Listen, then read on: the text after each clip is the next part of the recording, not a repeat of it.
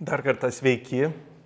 E, džiugu vėl būti pas Jūs, dalintis e, šventuo, kaip studijuojant ir skaitant šventą įraštą. Laurinas pakvietė nepatogią temą skaityti, nes niekas iki galo nežino, kaip ją reikia skaityti. Bet vis tiek kažkiek pas, kažkokiu išvalgų pasidalinti galima. Na, nuo ko aš pradėčiau? Kaip, užduokim savo klausimą, kaip jūs pirmą kartą išgirdote apie tokią knygą kaip apriškimo knyga? Kokiam kontekste tai buvo ir ką jūs perskaitėt ar sužinot apie ją? Mano pirmas susipažinimas, na, išgirdimas kaž, kažko iš šios knygos buvo na, gan seniai, tai buvo po Černobilio katastrofos. Tuo metu buvo tas susidomėjimas dvasinė literatūra, dar tarybiniai laikai ir uh, atsimenu vienam žurnalė skaičiau, kad Černobilio katastrofa yra išpranašauta šventam rašte. Tai yra metelės žvaigždė, kuri nu, apriškimo knygoje parašyta, nukrito, va tai ir buvo ta katastrofa. Nu, aš galvoju, matai, logiška, nu, toks įvykis turi būti aprašytas šventam rašte ir man, man ir švento rašto autoritetas pakilo ir, ir kažkaip viskas dėrėjo. Paskui nepraėjus gal metam, gal kažkur tokiam laikotarpį, vėl skaitau kažkokį kitą žurnalą ir ten rašo apie Tunguskos meteoritą Sibirė. Na, tokį įdomų įvykį, kas ten įvyko ir vėl pasirodo, jis buvo šimtam rašte išpranašautas, tas pats metelė žvaigždė apriškimo knygoje ir tada aš pradėjau galvoti, kaip čia taip ta pati žvaigždė visur, visur jinai kartojasi.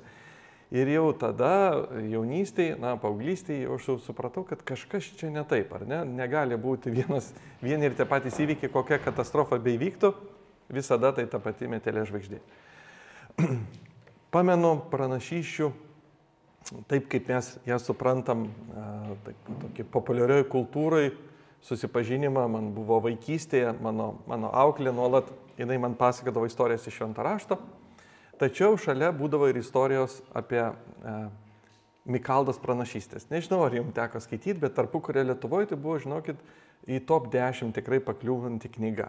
Dabar jinai visai nepopuliari, kažkas ją perleido, e, tas, sakykime, neužkabina dabartinio skaitytojo, bet va, tarpu kurio Lietuvoje tai buvo knyga, e, kurią labai daug kas skaitė, domavosi ir mano nu, auklė tuo atveju jinai buvo gerbė tokios literatūros ir man ją pasakodavo. Ir kažkaip, aišku, susidarė tokie vat, supratimai, kas tai galėtų būti, kad šventam rašte yra kažkokia slapta užkoduota informacija apie tai, kas įvyks ir, ir jeigu gerai kodą tu gali atrakinti, tai turbūt perskaitysi ir įsiaiškinsi, kas čia yra ir kas bus. Kažkaip taip. Iš principo, prasme, toks populiarioje kultūroje esantis supratimas yra, kad pranašystė tai yra mums pasakojimas apie kažkokią ateitį, nes Dievas jie žino nu, ir reiškia, pranašai nuspėja, nusako ir tokiu atveju belieka mums ją perskaityti. Ar tikrai taip? Ar tikrai pranašystės tikslas yra papasakoti, kas bus? Jūs jau turėjot apie pranašus ar ne knygą ir žinot, kad pranašystės tikslas nėra papasakoti, kas bus, bet daugiau pasakyti, kaip Dievas mato, kaip yra ir linko tai veda, jeigu tu nesikeisi. Tai yra pranašystės tikslas yra išgirsti Dievą kalbant į dabartį. Aišku, jis gali naudoti kažkokius įspėjimus iš ateities, bet vis tiek tai yra e, Dievo kalbėjimas pas objektas. Ne, pranašyti. Lygiai taip pat yra prieškimo knyga, nors je, joje mes matom tos kosminius katastrofinius vaizdus. Kai mes suprantam, koks yra tikslas, mes tada ir į tos vaizdus šiek tiek kitaip žiūrim. Ne? Tai toks būtų na, pirmas turbūt mano ir aš spėju, kad jūsų labai panašus turėtų būti kažkoks susipažinimas su tom na, neįprastom, keistom pranašystėm. Beje, jūs galite mane iškart pertraukti ir klausti, e, taip kažkaip, jeigu labai jau turėsit klausimą, tai gyvai mes jį iškart na, aptartume. Dabar dėl autorystės. Na, čia toks biblinis klausimas. Iš tikrųjų, na, skaitant knygą tai nėra taip svarbu, nu, bet biblistai, egzegetai nagrinėja, kas galėtų būti tos knygos autorius, nes pati, pačioje knygoje mes žinom, kad jis yra Jonas. Jis nesako, kad aš esu apaštalas Jonas. Taip? Jis savadina Jonu, iškyla klausimas, galėjo Jonų būti ir daugiau. Dėl to yra na, tokios dvi mokyklos. Viena yra tokia klasikinė, daugiau na, taip, taip įprasta laikyti tradiciškai, taip, kad tai yra paštalas Jonas. Kita vertus, jau nuo krikščiny, e, ankstyvoji krikščionybė jau mes turime apie trečią amžiaus vidurį, kad e, Dionizijus iš Aleksandrijos jisai jau pastebėjo stilistikos netitikimą ir galbūt kilo įtarimas, kad čia yra kažkoks kitas Jonas. Šiuolaikinė, aišku, kritinė analizė būtų linkusi pritarti, kad stiliai yra skirtingi, šiek tiek žodynas skirtingas. Ir ar tai būtinai reiškia, kad tas Jonas yra kitas Jonas? Nebūtinai. Tai gali būti susiję su, ver, su raštininkais, kurie rašė, su sekretoriu, sakykime, tam tikrų įnašų į, į, į į knygos sukūrimą. Tai galėjo būti paaiškinta laiko takoskira. Kita vertus, net jeigu tai buvo ir kitas Jonas, panašu, kad šitie abu Jonai, Paštas Jonas ir tas menamas mūsų Jonas buvo priklausę vienai teologiniai mokyklai, vienai sroviai, e, nes, kiek žinoma, iš istorijos apaštalas Jonas gyveno ilgą laiką Efeze, Ir ši knyga irgi, matome, yra septynios bažnyčios, viena iš jų yra Fezas ir visos jos yra Mažoje Azijoje, tai yra dabartiniai Turkijai, taip įsivaizduokim. Ir greičiausiai, na, yra tokių dar netiesioginių duomenų, kad ten buvo toks pranašas Jonas ir jie yra, gali būti, kad buvo pakankamai, na, jeigu ir ne tas pats asmo, tai buvo pakankamai pažįstami. Tai yra ta pati mokykla. Tai mums, aišku, nėra tokio uždavinį įsiaiškinti, ten jis, ne jis, tas nekliudo švento rašto supratimui, bet tiesiog susipažinti, kad tie klausimai nuolat yra keliami ir kai kada iš tikrųjų labai prasmingos išvalgos yra pateikiamos. Aišku, yra daugiau versijų, kas galėtų būti tas kitas Jonas, bet panašu, kad tai tikrai buvo tai pačiai mokyklai, kuri buvo Fezė, teologijos mokyklai. Taip, minčiai teologijos minties mokyklai priklausantis žmonės Paštas Jonas ir galbūt kitas Jonas, o gal net ir na, Zebedėjaus sūnus Paštas Jonas. Taip. Nes nors kai kurie žodžiai skiriasi, bet temos labai susišokia. Ir aš, na, pabandysiu Jono Evangelijos dėka ir Morkaus Evangelijos dėka šiek tiek parodyti tos Dievo karalystės ateimo modelį, kuris ir būtų mūsų atrakinimo raktas į na, pranašystės temą. Taip, žanras. Naujam testamente mes turim vieną tokią knygą, tokio žanro. Tai yra apokaliptinė literatūra. Tas apokaliptė e, nuo žodžio yra graikiško žodžio, kuris, kuris, kuriuo ir pavadintas yra knygos pavadinimas, apriškimas, tai būtų pažodžiui, kai kada yra iš, nu, kai kurie ir vadina apokalipsė, bet sulietuvinus tai būtų apriškimas, atidengimas kažko, kas buvo nematoma. Tai tokia knyga, aišku, yra viena Naujam testamente, bet Senam testamente jų toli gražu nėra viena. Jau mes skaitom pranašus, jie labai panašus. Turbūt pastebėjote, ar, ar Izaiją, ar Ezekielį, ar Jeremiją, ar Danielių skaitytumėt, jaučiat, kad tarytum, tarytum jūs vėl apriškimo knygą skaitot. Reiškia, tai yra gimininga literatūra, jie turi vienodą modelį, o šiai dienai biblistai, egzegetai, jie, mes nu, turim ne tik šventam rašte sukauptų knygų, mes turim ir šalia iš to laikmečio ateisių knygų, tokių kaip būtų ir Enocho knyga, Esdras, Baruchas, Abromo apokalipsė, čia tik dalis jų yra ir daugiau. Kitaip tariant, tai buvo pakankamai populiari literatūra. Kaip tarpu, kurie Lietuvoje Mikaldos pranašystė kažkaip žmonės mėgo, uh, Taip ir tais laikais žmonės mėgdavo tokią literatūrą, jos buvo nemažai, bet ji turėjo savo kanonų, savo modelius, kaip, kaip jinai yra rašoma, kaip yra perteikiama. Dėl to kartais, kai mes 20, 21 amžiuje ar neskaitome tas knygas, mes turim na, įvertinti, kad tai yra iš, iš tam tikro na, stiliaus atėjusi knyga ir tą reikia mm, atsižvelgti.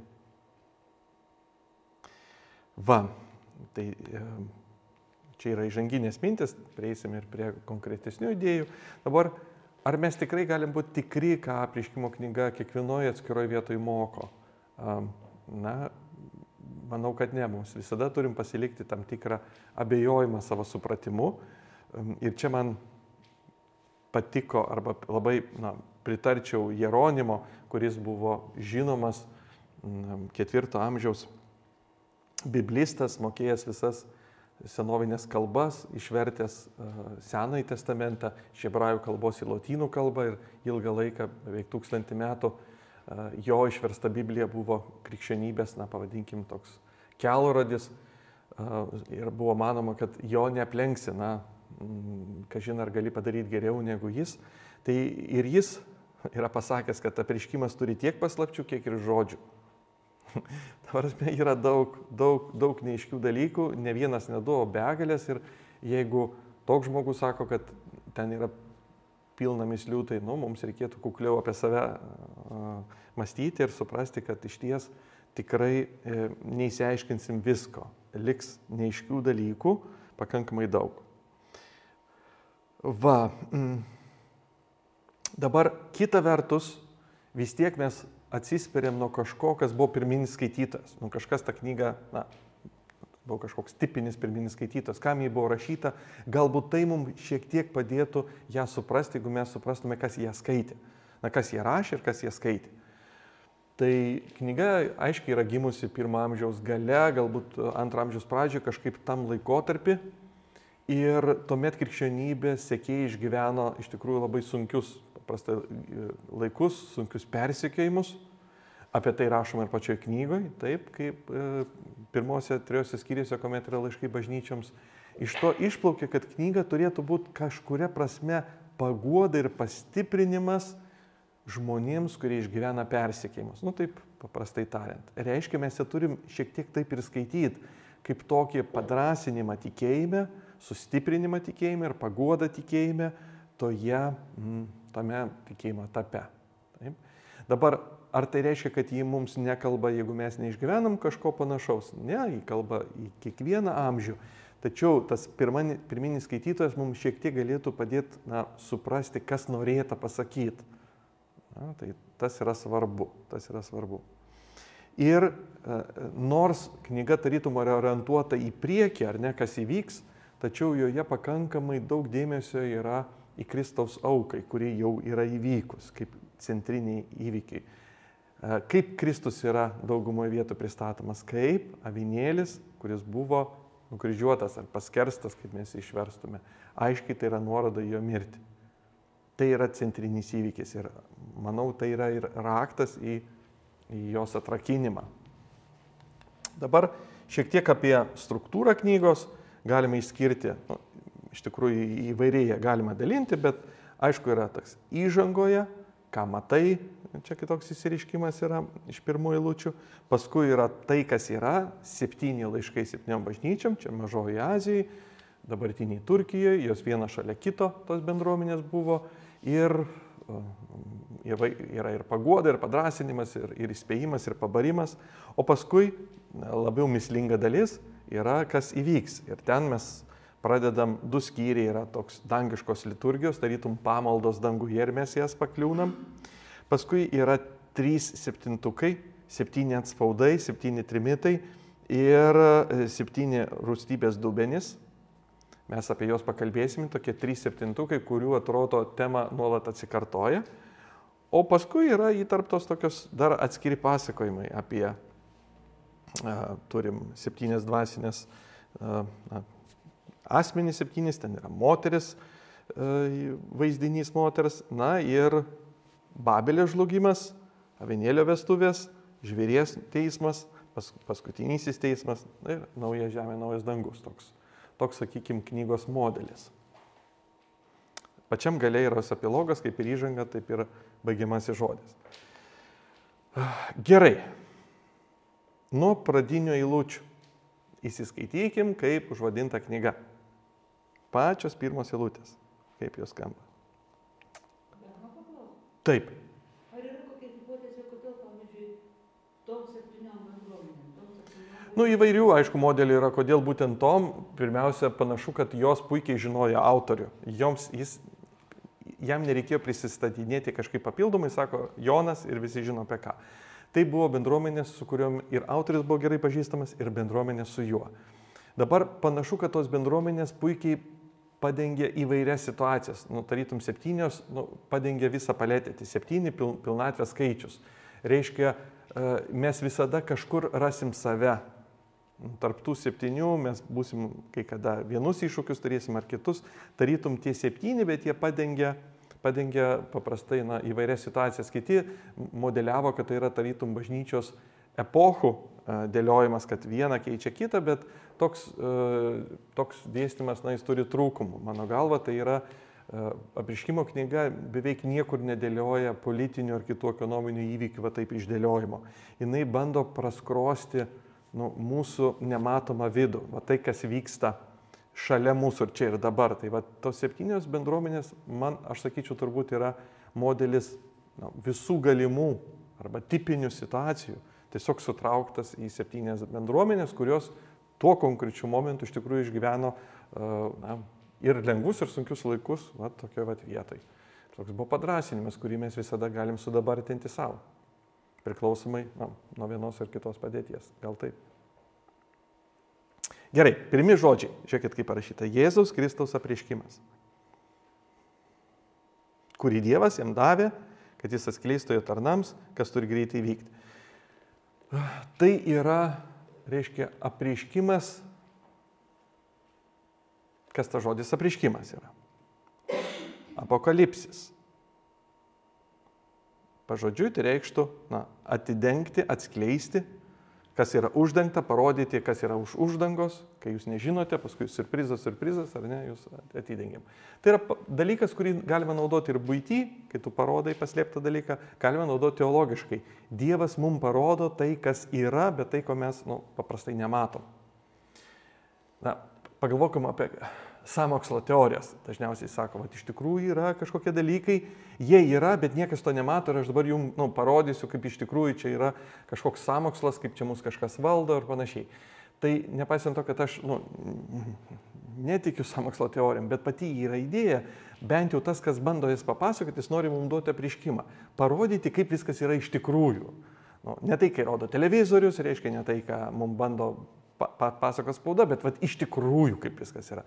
Tai vat apriškimo knyga yra iš tikrųjų kaip viskas yra, ne tokį pažiūrėti giluminių pjūvių. Ne, ir tai poetinė kalba perteikti dalykai. Ir čia mes matom pirmiausia Jėzaus asmens atskleidimą. Mes tai yra jos centras.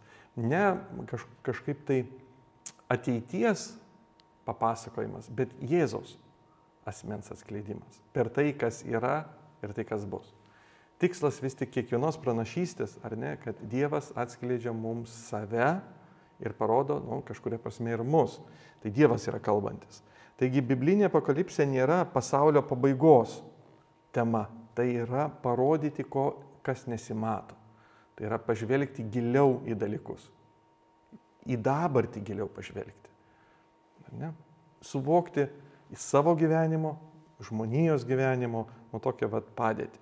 Tai būtų tas žodis apriškimas, kuriuo yra pavadinta knyga. Ir bendrai visa literatūra apokalipsinė. Apokaliptinė. Taip. Taigi ji mus ir guodžia, ir neramina. Viena vertus mus nuo žemiško saugumo kreipia, kita vertus guodžia einant tuo keliu.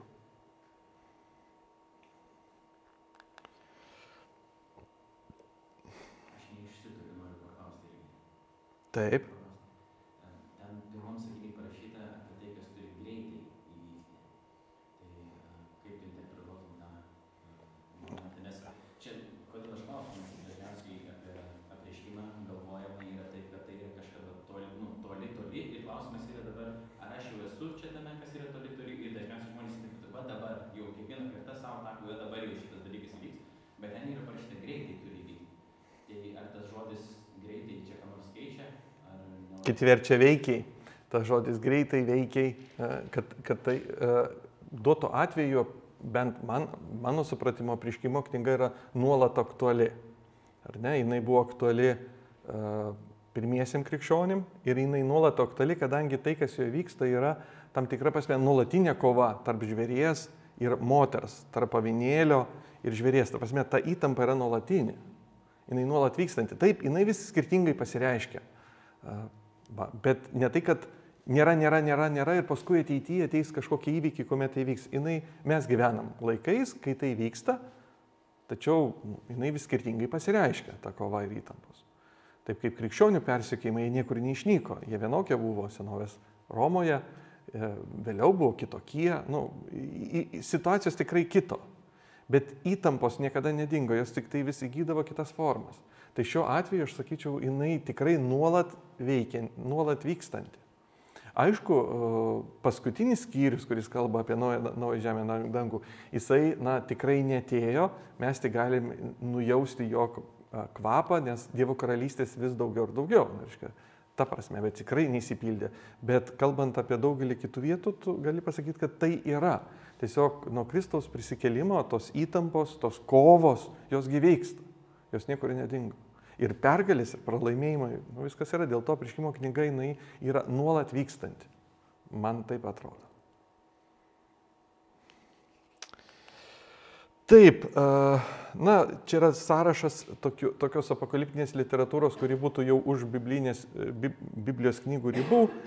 Šiek tiek jau užsiminiau, bet mes matom, kad jos, na, jinai nu, nuolat buvo ir, ir taip vadinkim, tarp, šventin, tarp šventyklų laikotarpį ir netgi uh, E, jau krikščionybės laikotarpį e, vis dar knygos atsirasdavo, jos buvo pakankamai populiarios. Pavyzdžiui, Enocho knyga, taip vadinamoji, buvo e, iš archeologijos, mes žinom, kad jinai buvo labai populiari, na, lygiai vertiai populiari tuo metu, kaip ir Seno testamento žydiškųjų raštų paplitimui, Kumrano bendruomenės randam ir kitur, pakankamai reiškia žmonėms tos temos patik, patikdavo, jos buvo įdomios.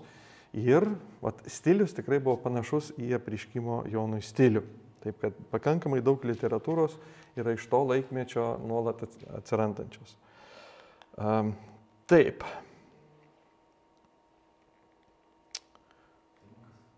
Tai turbūt pasižiūrim filmuką ir tada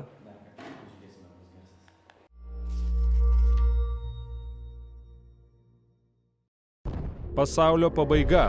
Mėnulis nusidažo krauju, kalnai griūva, spiečiasi skeriai mutantai. Tai tik keletas keistų vaizdinių iš apokaliptinėmis vadinamų Biblijos dalių. Nors dauguma žmonių mano, kad biblinis žodis apokalipsė nusako pasaulio pabaigą, iš tiesų jis to visai nereiškia. Tad ir pakalbėkime apie tai, kaip skaityti apokaliptinę literatūrą Biblijoje. Luktelk, tai apokalipsė nereiškia pasaulio pabaigos? Ne, apokalipsė yra graikų kalbos žodis reiškiantis atskleisti arba apreikšti. Apokalipsė įvyksta tada, kai staiga išvelgi kieno nors tikrąją prigimtį, kurios prieš tai nematei. Nes ne visuomet matau dalykus tokius, kokie jie yra iš tikrųjų. Teisingai. Mes visi susidarome mums įprastas pasaulyje žiūras, galinčias riboti ar iškreipti mūsų matymą. Vadinasi, apokalipsė yra tarsi apreiškimas. Taip, Biblijoje apokalipsė įvyksta tada, kai Dievas praskleidžia uždangą ir parodo, kas pasaulyje dedasi iš tiesų, žvelgiant iš dieviškosios perspektyvos. Pavyzdžiui, imkime pranašą Izaiją. Regėjime įsakymoje perkeliamas į Dievo sosto menę. Ak taip, jis Dievo šventykloje aprašomoje kaip tiltas tarp dangaus ir žemės. Ten Dievas jam atskleidžia dievišką žiūrą į Izraelio praeitį, dabartį ir ateitį. Kad Izaijas galėtų mesti iššūkį Dievo tautai ir ją paguosti kaip tik tuo laiku. Arba prisiminkime apaštalą Paulių, bandžiusi užgneušti Jėzaus sąjūdį, bet kelionėje sustabdyta paties prisikėlusio Jėzaus regėjimo. Taip, jis suvokia, jog kovoja būtent su tuo, ko pats vilėsi. Ir tai pakeičia jo gyvenimo kryptį. Taigi šios apokalipsės suteikia žmonėms dangiškąją žiūrą į jų žemiškąją padėtį. Jos gali ir suteikti vilties, ir mesti iššūkį. Arba priversti viską pakeisti. Taigi, tai yra bibliniai pasakojimai, kaip žmonės patiria apokalipsę. Tačiau be jų yra ir iš tiesų Biblijos knygų dalių, kuriuose pranašas nupasakoja ilgus apokaliptinius sapnus ir regėjimus. Tai vadinama apokaliptinė literatūra. Skaityti šiuos sapnus ir regėjimus sunku, Turiu omeny, jie pilni keistų vaizdinių.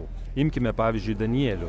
Jis regi baisius žvėris, jie kyla iš tamsios jūros ir trypia žmonės sausumoje. Tada veikėjas vadinamas žmogaus sunumi, išaukštinamas, kad valdytų pasaulį. Kas čia dedasi? Taip, apokaliptinė literatūra parašyta poetiniu vaizdingu stiliumi ir pilna simbolių. Kaip man sužinoti, ką šie simboliai reiškia? Na, pirmiausia, reikia nagrinėti likusią Bibliją. Apokaliptiniai vaizdiniai grindžiami bibliniais kompoziciniais modeliais, prasidedančiais pradžios knygoje ir plėtojamais visoje Biblijoje. Pavyzdžiui, pirmose Biblijos sakiniuose minima chaotiška jūra, kurią Dievas tvarkydamas kūrinyje sutramdo, bet nesunaikina. Taip jūra tampa pavojaus, mirties ir kosminio chaoso įvaizdžiu. O sausuma, iškilusi iš jūros, yra ta saugi ir tvarkinga vieta, kurioje žmonės turi valdyti kaip Dievo atvaizdas. Taip, be to dar toje žemėje yra žvėrių, kuriuos žmonės turi prižiūrėti. Tačiau toliau skaitome, kad žmonės sugundo vienas žvėris. Ir jie patys pradeda elgtis kaip žiaurus žvėri. Taip ir yra. Ką reiškia tam tikras simbolis mums kartais paaiškina pranašas. Tarkim, Danieliaus knygoje rašoma, kad tie žvėriai simbolizuoja smurtingas žmonių karalystės. Tačiau dažniausiai autoriai daro tiesiog prielaidą, kad mes gebame Biblijos pasakojime atpažinti įvaizdį ir suprasti jo reikšmę. O dabar atsiverskime paskutinę Biblijos knygą - apreiškimą, nes ji yra vienas labai ilgas regėjimas. Visa ji yra apokalipsė. Taip, ir kaip tokia įskaitytina. Ji pradedama pasakojimu, kad regėtojas Jonas perkeliamas į Dievo sosto menę, kurioje išvysta prisikėlusi Jėzų kaip išaukštintą į pasaulio karalių. Tačiau Jėzus čia vaizduojamas kaip krūvinas avinėlis. Teisingai, tai vienas iš kompozicijos modelių, kuris parodo, kad Jėzus yra Izraelio perėjimo ir permaldavimo dienos aukojamasis avinėlis. Jis atidavė savo gyvybę už pasaulio nuodėmes.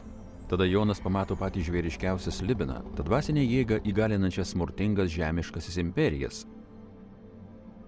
Jį išsviedžia Jėzus, tikrasis pasaulio karalius. Tai man kai ką primena. Skaitant apreiškimo knygą mane vis sukrečia tas kosminis smurtas bei naikinimas. Turiu omeny, kad jis vis kartojasi ir kartojasi. Taip, apreiškimo knygoje yra trys septynių dalių Dievo teismo ciklai.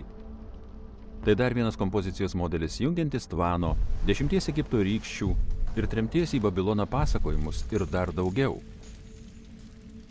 Tai akimirkos, kai žmonės į pasaulį išlyja tiek daug smurto ir mirties, kad Dievas juos palieka susinaikinti. Tai tarsi pradžios knygos pirmajame skyriuje aprašytų sukūrimo apvertimas. Dievas leidžia pasauliu ir žmonėms nugrimsti atgal į tamsą ir netvarką. Blaivinantis vaizdinys. Iš tiesų. Tačiau atmink, kad pradžios knygoje Dievas nugalėjo tamsą ir chaosą savo šviesą ir gyvybę. Taigi yra prieiškimo knygoje Jėzaus ir mums pažįstamo pasaulio mirtis yra kelias į atnaujintą kūrinyje, kuri prasidėjo Jėzaus prisikėlimu. Ir nors apreiškimo knyga atrodo kaip pasaulio pabaiga, Iš tikrųjų jį pasakoja apie atnaujinto pasaulio pradžią. Jame žemė ir dangus yra vėl suvienijami, o žmonės kaip Dievo atvaizdai valdo visą kūrinyje Dievo meilę ir jėgą. gerai, bet nemažai visko reikia suvirškinti. Iš ties, šiuose knygose lieka daug ko, ką vis dar sunku suprasti. Tačiau apokalipsės tikslas labai aiškus - suteikti mums dangiškąją žiūrą į mūsų žemiškas aplinkybės, kad kiekvienai Dievo žmonių kartai būtų mestas iššūkis, kad jie būtų paguosti ir įgytų vilties ateičiai. Puiku, mums pavyko. Serijoje Kaip skaityti Bibliją apžvelgėme visus rašymo stilius Biblijoje - pasakojimą, poeziją ir diskursą. Taip mes sužinojome, kaip skaityti visas pagrindinės Biblijos dalis. Tai sudėtinga ir graži literatūra. Dabar suprantu, kodėl Biblija yra viena iš įtakingiausių knygų žmonijos istorijoje. Taip, kiekviena dalis dera vientisame pasakojime, kuris veda Jėzaus link. Ir kviečia mus visą gyvenimą jį skaityti ir apmastyti. Jūsų Biblijoje slypi ištisas naujas pasaulis, tik ir laukiantis, kol jį atrasite. Grįžtam prie prieškimo knygos. Kas yra įdomu prieškimo knygoje? E, nei, prasme, neįprasta šiek tiek. Jog joje mes turim, beveik neturim citatų tekstiniu būdu iš Seno testamento. Nu, nedaug. O vaizdo turim labai daug. Labai daug vaizdų, kuriuos sutinkame Senam testamente, taip, pranašų literatūroje. Iš čia mes galim nujausti, kad jeigu mes kažkaip mokėtume perskaityti tuos pačius vaizdus, kaip juos sutinkame Senam testamente, matyt, mes suprastume juos ir apriškimo knygoje. Mhm. Joje, kaip jau ir matėt filmuke, mes sutinkame labai daug modelių ar tų archeotipų iš bendro biblinio pasakojimo. Tai, ką pradžios knygoje ypatingai daug. Pirmoje ir paskutinėje knygoje elementai labai atsikartoja. Dangus ir žemė sukuria, čia nauja žemė, naujas dangus. E, Edeno šventikla kaip sodas, paskui yra naujoji Jeruzalė kaip miestas, kurie yra jau be šventiklos, bet pati kaip šventikla. Mes turim Adomą ir Jėvą, pirmąjį vyrą ir moterį, o, pas, o paskutiniai knygoje mes turime e, Jėzų ir bažnyčią, jaunikį ir nuotaką. Mes turime moterį, kuri e, pagal pažadą kuri ir kurios palikuonis sutryps gyvatį kalvą, tai senoviniam slibinui, ir paskui vėl mes turim slibiną ir naują moterį, naują jėvą. Mes turim prakeikimą atsirandantį, prakeikimą išnykstantį. Mes turim pirmą kartą, kur Babelė, lietuviškai reikia sakyti Babilonas, bet hebrajiškai visi miestai yra moteriškos gimties ir žodis miestas yra moteriškos. Dėl to labai sudėtinga, kai mes sakom, yra paleistuvė, Babelė ar Babilonas ar ne, tai čia tiesiog uh, lytis uh, žodžio lėtis yra žodžio giminė e, pasikeičia ir mums na, ne, nepersiteikia. Dėl to mes kartais sakom Babelė, kartais Babilonas. Taip, bet iš tikrųjų originalo kalboje tai būtų moteriška lėtis. Vėl, kada mes sutinkam pirmą kartą miestą, mes jį sutinkam pradžios knygoje, ar ne? Nimrodas jį pastato kaip tokį pagrindinę, kaip anti-Edeną tokį, ar ne? Jeigu yra Dievo sodas, tai čia tas va, Babelio bokštas yra toks priešiškas ar ne miestas tam, priešiškas mm, archetipas, priešiškas modelis, bet vėl sutinkam pradžios knygoje. Kiek daug sutinkam dalykų pradžios knygoje, kuriuos vėl mes sutinkam apriškimo knygoje. E, netgi va, tas tekstas, atsimenat, jūros daugiau nebebus. Atsimenat, kad apriškimo knyga tokia neįprasta. Mums lietuviams ypač jautri tema, nes Baltijos jūra mums labai brangi ir taip atrodo, o ir aš esu ne vieną kartą sakęs, kaip gaila, dangui nebus jūros, o nu, mėgaukimės, kol dar galim, reiškia, nes nu, vis tiek mes mylim savo jūrą, bet sakau, čia ne apie tą jūrą kalbama. Jis sako, bet čia parašyta jūros nebus.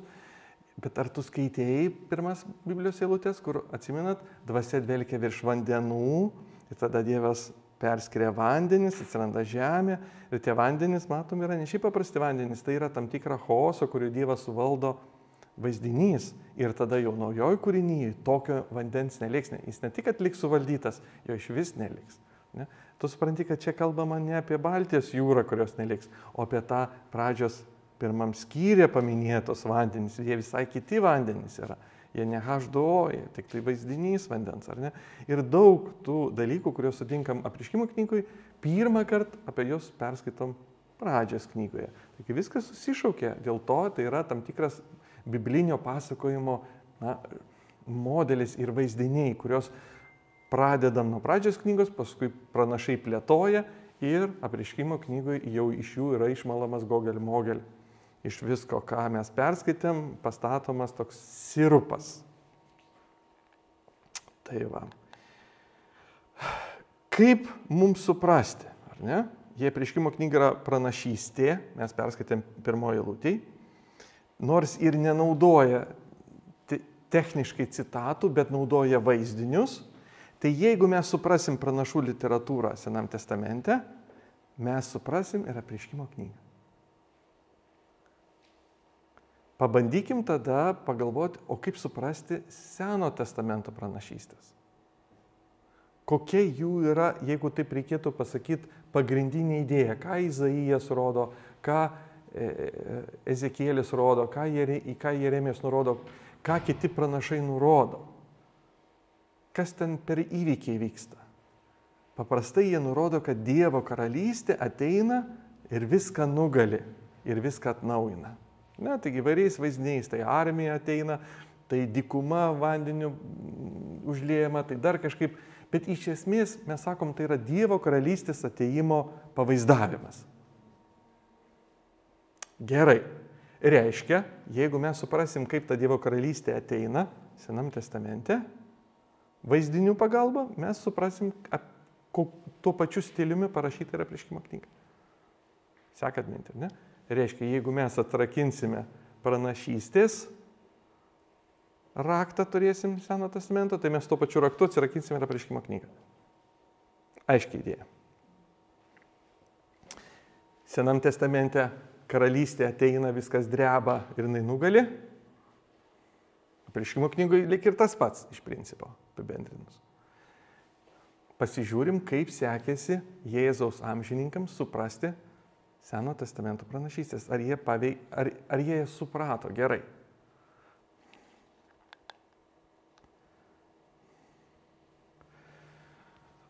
Klausimas yra toks, ar ne? Jie skaitė tą Seno testamento pranašystės, jie įsivaizdavo tos karalystės ateimą, kaip galingai jinai turėtų ateiti. Dievo karalystė vis tik, ne šiaip kokia. Vaizdinius paskaičius tikrai jos ateimas yra, nu, pribloškiantis, viską nugalintis, viską palenkintis. Bet atsiminat, kai jie susitiko su Jėzumi ir pakvietė Natanaelį, jisai sako ką? Iš Nazareto gali būti kas gero. Jis sako, mes radom tą, apie kurį kalbėjo pranašai. Reiškia, mes radom tą, per kurį ateis Dievo karalystė. Jis sako, bet čia jis dailydė iš Nazareto. Jūs juokaujat. Visai ne taip senam testamente parašyta, turėjo didybę, turėjo čia viskas drebėti, čia, čia, čia, pum, pum, pum. O jūs pasakot, kad ta dailydė iš mažo miestelio Nazaretas, kaimelio, provincijoje, net ne judėjui, galilėjui.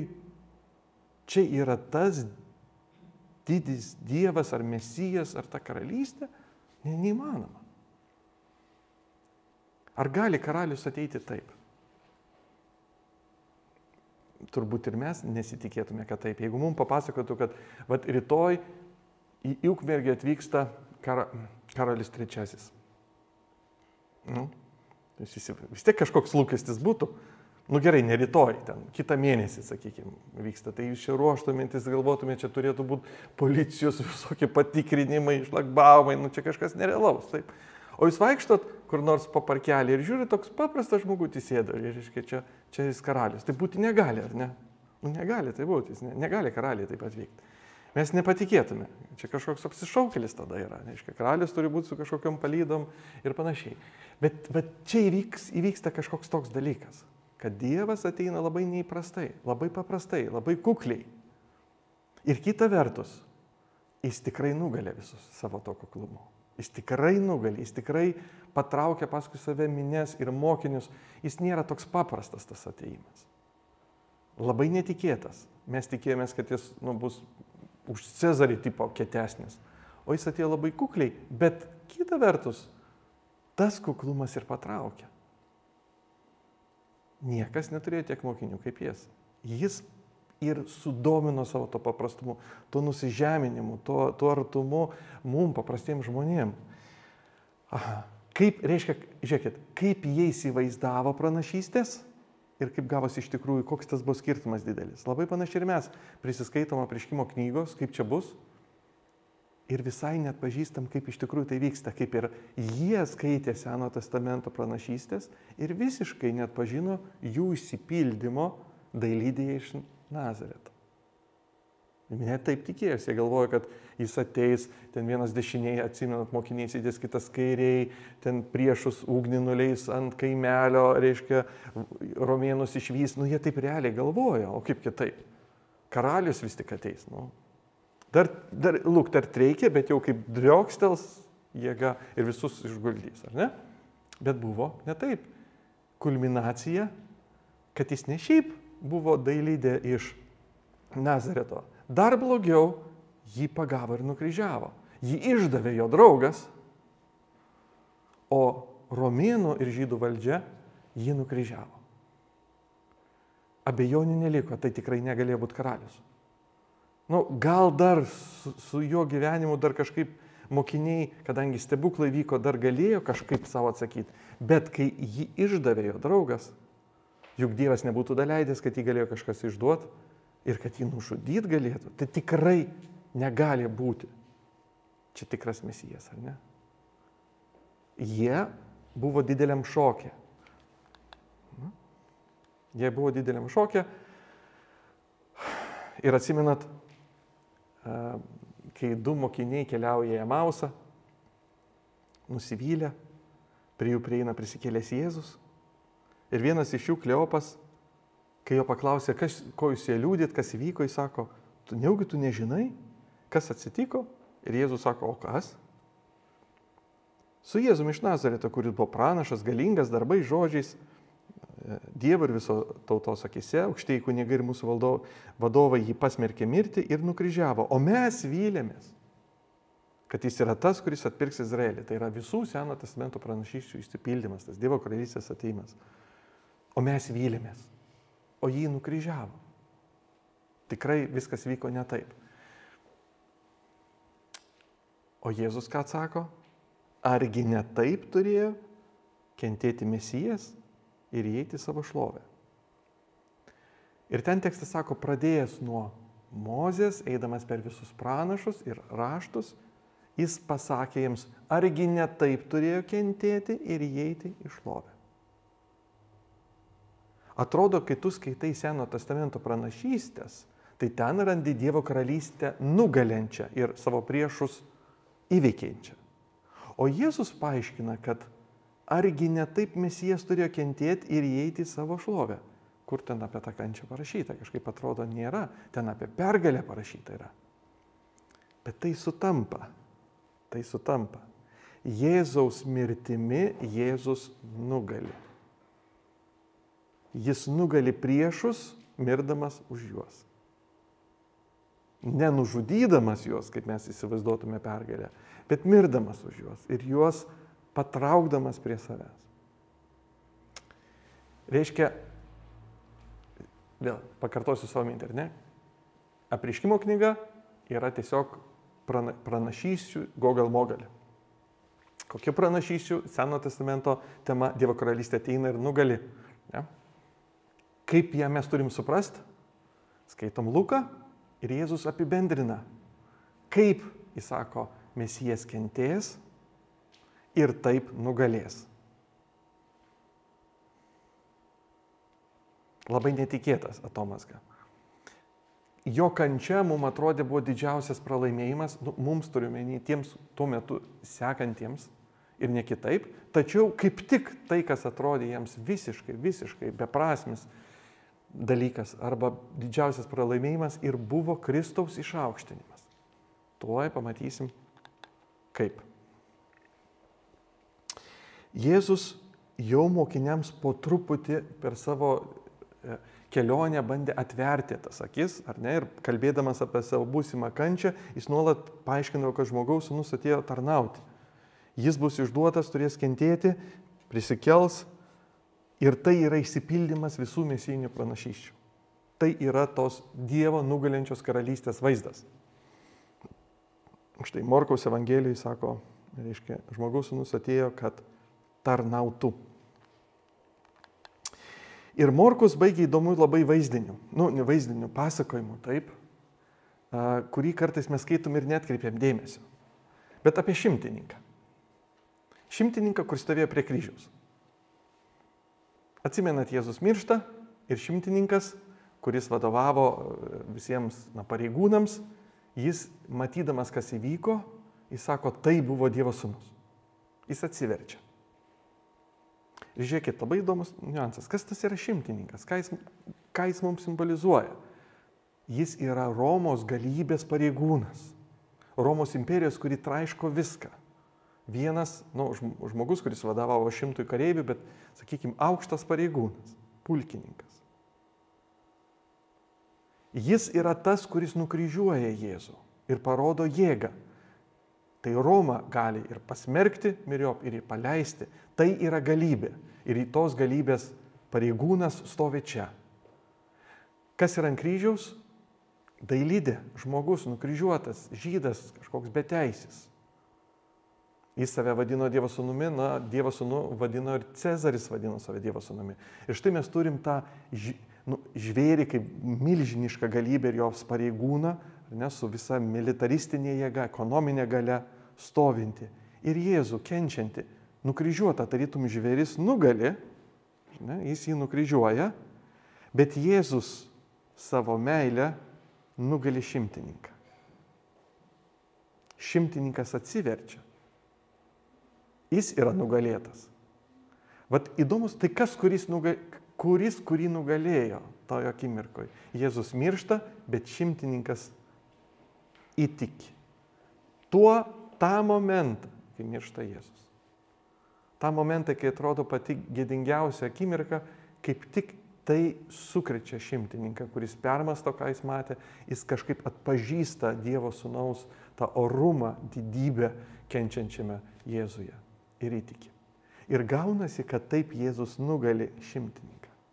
Ne gale, kaip mes tikėtumėmės, Romos armijas paima, bet kentėdamas, parodydamas meilę, jis nugali. Netgi tokią galybę, kaip Romos armijos šimtininką. Nu, galybė kaip Roma, ar ne, ir čia tas, tas atstovas jos. Štai raktas, kaip evangelistai mums pateikia didžiąją Kristaus šlovės valandą. Ne tai, ko mes tiki, tikimės, bet būtent tai ir yra. Dabar jūs sakysit, kodėl mes apie tai skaitom, mums papasako apriškimą. Todėl, kad apriškimas yra pranašystės. Pranašystės rodo Dievo karalystė, kuri ateina savo gale būtent taip. Ir kai mes suprasim, kad Dievo karalystės gale būtent šitam taške yra, mes ją atsirakinsim ir apriškimo knygą. Gerai? Dar vienas momentas. Iš Jono Evangelijos, iš to paties Jono. Atsimenat tekstą Jono 12. Kai aš būsiu pakeltas nuo žemės, visus patrauksiu prie savęs. Jis tai pasakė, nurodydamas, kokia mirtimi jam reikės mirti. Kaip įdomu, kad Jėzus nepasakė, patrauksiu visus, kai prisikelsiu. Mums atrodytų, tai būtų geriausia diena. Prisikelimo diena, nes jis tada rodo savo divystę. Nu, tai, yra, tai tu privalai paklūsti jam. Jėzus išskiria savo na, didžiausią didybės tašką momentą. Yra jo nukryžiavimo momentas. Būtent tada jis patraukia visus. Tada šimtininkas suklumpa. Ne kareiviai, kurie saugojo kapą suklupo, o šimtininkas, kuris jį nukryžiavo. Įdomus taškas. Ir žiūrėkit, čia vėl yra nuoroda į Seno testamento pranašystės, Izaijo, taip vadinamoji teologiška ketvirtoji tarno, Jakvės tarno gesmė, kuris kalba apie, kai, kai aš būsiu pakeltas nuo žemės, tas at, pakeltas nuo žemės, tai tas pakeltas yra kalbama iš Izaijo 52 ir 53 skyriaus, kalbama apie tą Jakvės tarną, kuris yra visų tautų akivaizdoje pakeltas. Bet mums atrodė, kai skaitom tarno giesmę, kad jis pakeltas kažkaip labai garbingai. O štai paaiškėja, kad jis pakeltas kaip nukryžiuotas. Tam pačiam skyriui Jonas sako, Izaijas pasakė, regėdamas jo šlovę ir kalbėdamas apie jį, kada Izaijas matė jo šlovę, žiūrime Izaijo šeštą skyrių, atsimena tą didįjį regėjimą, kai Izaijas patenka į dangų ir ten, kur mato, mačiau viešpatį aukštame ir pakeltame sostę aukštame ir pakeltame soste. Vėl tie patys žodžiai - aukštame ir pakeltame soste. Jonas paskui sako, kad tai, kai Izaijas matė aukštame soste, dabar Jėzus bus, kai bus pakeltas aukštyn. Ir čia žaidžia, viena vertus kryžius yra pakeliamas nukryžiavimo momentu, bet kita vertus tai yra kaip karalius pakeliamas, kaip sostas pakeliamas. Matot, kryžiaus nukryžiavimo momentu yra didžiausia Dievo galybės parodymo momentas, kada yra įveikiami jo priešai. Jis, nu, sakykime, jeigu tas priešas yra mumise gyvenantis nu, blogo virusas, tai pavadinkime, ar ne, tai jo tu neišnaikinsi teismais. Jį išnaikina Kristaus mirtis savo meilė ir pasiaukojančių mirtimi. Kitaip mes, mumise irgi yra nugalėtas priešas, ar ne? Mes įtikėjome tokiu būdu, taip. Taigi, tai yra modelis visai kito ne galybės ir jėgos parodymo, bet tos meilės, kuri nugali, pasiaukojanti meilė, kuri nugali. Tai va tai yra raktas į pranašystės atskaitimą prieškimo knygoje. Jeigu mes nematome, kaip ta Dievo karalystė plečiasi ir laimi, ji plečiasi ir laimi per Kristaus auką už savo priešus. Dabar prisimenat, kas yra adresatas? Bendruomenė, kurie persiekėjimą. Ir Jonas nori pasakyti, taip kaip Kristus nugalėjo priešus ir jūs taip pat savo galbūt kančia ir mirtimi laimėsi tuos, kurie jūs dabar persikėja. Galbūt jie ir nukryžiuos kaip tas šimtininkas, bet paskui jie atsivers, taip ir iš tikrųjų vykdavo. Ta prasme, tas, tas pergalės žvėries ir kitų armijų, kurios mes skaitome prieškimo knygoje, jis vyksta ne, ta, ne tai, kad nusileidžia angelai ir išdaužo žmonės, bet jis vyksta paradoksaliai, persiekiant krikščionis, bet jiems liūdijant iki galo ir įsižadant tarytum tos žemiškų pers perspektyvos, žemiškų gerybių, jų priešai ir atsiverčia jo liūdimų dėka. Taip yra nugalimi. Taip kaip nugalėjo jų mokytas, taip nugali ir jie.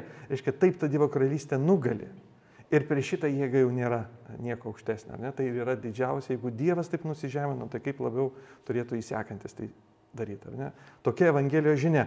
Tai yra pranašų ir ką, e, žinia tai, ką Luko Evangelijoje mes sakom, Jėzus paaiškino, kaip reikia tikėtis ir tai yra įsipildymas tada jau apriškimo knygoje, bet čia yra raktas, kurį aš noriu jums atrakinti. Jėzus meilės pasiaukojimas didžiausia priešus įveikianti gale. Apriškimo 19 skyriui. Atsimenat, raitelis ant balto žirgo. Finaliai nesene jis ateina nugalėti. Ant jo sėdėjo raitelis, jo akis švietė kaip ugnė šviesa, jis buvo apsirengęs kraujyje permirktytų drabužių. Jis ateina į mūšį, bet jau yra krūvinų drabužių. Paprastai iš mūšio karalius ateina krauju, kadangi nu, mūšė tu priešus žudai ir tavo krau, ir drabužiai susikrūvina. O čia mes turime ateinantį karalių kuris jau yra kraujyje. Kaip keista, kaip galima į mūšį ateiti jau su krauju, tai kieno tas kraujas? Jo paties. Ir kalavijas laiko ne rankoje, o burnoje. Kaip koks skirtingas kalavijo naudojimas. Kalavija, jo žodis, kur, kur, kur, kuriais kalba yra tas kalavijas. Ir mes matom, kad jis yra nugali, bet jis nugali savo meilę priešus, savo auką. Ir tas kraujas yra jo, ne priešų ten kraujas. Tas labai svarbu, reiškia, mes nuolat matom kenčianti ir nugalinti tokiu būdu Kristų ir jį sekančius mokinius. Lygiai taip pat, tokiu pat būdu platinančius tą pačią Dievo karalystę. Irgi nugalinčius. Apriškimo penktam skyriui. Turbūt daug kartų žinoma eilutė. Judo liūtas, taip? Mes vienas iš vyresniųjų man tarė, neverk štai nugalėjo Judo liūtas. Iš Do, Dovido atžala. Čia yra nuorodas į Seno testamento pranašystės, Izaija. Kad atverstų knygą, nuplėštų septynis anspaudus. Aš pažvelgiu ir štai sostų ir keturių būtybių bei vyresnių viduje stovėjo. Žiūrėkit, jam sako, štai Judo liūtas nugalėjus, girdė šitą balsą, jis atsisuka. Ir logiškai mes sakytume, ir pamato liūtą bet pamato jis neliūtą. Pamato jisai avinėlį, kuris tarytum užmuštas. Kaip keista, jam sako, štai liūtas, jis girdi žodžius tai liūtas, o mato avinėlį. Klaida yra, plauk, ar tu matai, ar girdi, kažkas čia ne taip. Viskas taip. Jėzus būdamas avinėliu ir parodo liūto pergalę. Jis ne kaip liūtas, nu, sakykime, traiško priešus, jis kaip avinėlis. Bet jis nugali. Savo auką nugali. Matot. Ir va jeigu tu turi tą raktą, va šitą raktą, tada tos pergalės tu kitaip jas skaitai. Ne kaip kažkokius įvykius politinius, kad armija sumuša armiją, krikščionys ten nugalės ar jie sumenkės. Ne taip yra. Ta pergalė kitokia yra. Blogis daug subtilesnis. Jo taip nenugalėsi paprastai. fizinė jėga jis nenugalimas yra. Nojaus tvaną pagrindinė išvada yra Dievas siunčia teismą, bet pats Nojus prisigeria pirmą dieną. pirmą dieną pat mano. Neįsisprendžia blogio tai problema. Mes labai norėtume taip, o, oh, tik duotų mums kalavyje, mes nu, pasaulį iškart pagerintume. Nesigauna jo pagerinti. Savęs paties su kalviju neišeina pagerinti, ką tu kitą dar pagerinsi. Bet Kristaus pergalė, jinai keičia žmonės, realiai keičia žmonės. Jo pavyzdys, jo tas nusižeminimo auka. Va, ir tas, nuga, jis žada pergalę ir tiems, kurie įseka, bet ta pergalė yra tokia, nu, kokią mes matėm avinėlyje. Kaip Jėzaus mokinys nugali žvėrį? Jei žvėris jį pražudo. Taip kaip tas šimtininkas, žvėries pareigūnas, ar ne Romos galybės, jis nukryžiuoja Jėzų, bet tuo pačiu Jėzus jį nugali, nes jis atsiverčia. Meto, tai yra pergalė. Tokiu būdu jinai vyksta vad gyvenime. Kai tu matai tą sceną, ten buvo šimtininkas suklupęs prie kryžiaus, tai prieškimo knygui tai būtų ten žvėris nugalėtas, pranašo, mes matytume visą kitą vaizdinį, bet tai pertiktų mums tai, kas vyksta tokiu būdu.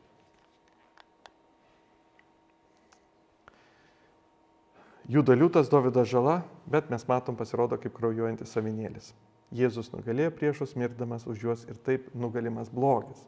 Meilės pavyzdžių. Pasiaukojančios meilės pavyzdžių. Na, dabar prieikim dar, e, turim šiek tiek dar laiko, ar ne? ne visai. E,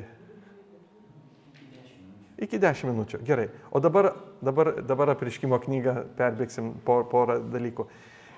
Dievo karalystės atimas 3-7, tai kaip sakiau, ar ne? Mes sutinkam 7 trimitus, mes sutinkam 7 anspaudus ir 7 dubenis.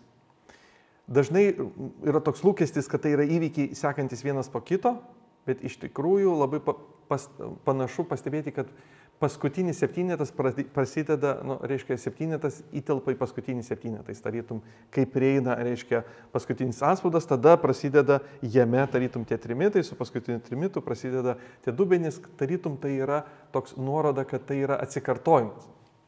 Ir tai yra ne, ne modelis, o tam tikras ciklinis modelis. Reiškia, tris kartus mums papasakojama viena ir ta pati istorija kitų vaizdinių. Gerai. Atsimenat faraoną, kuris sapnavo sapną apie ateinančią badą ir perteklius metus.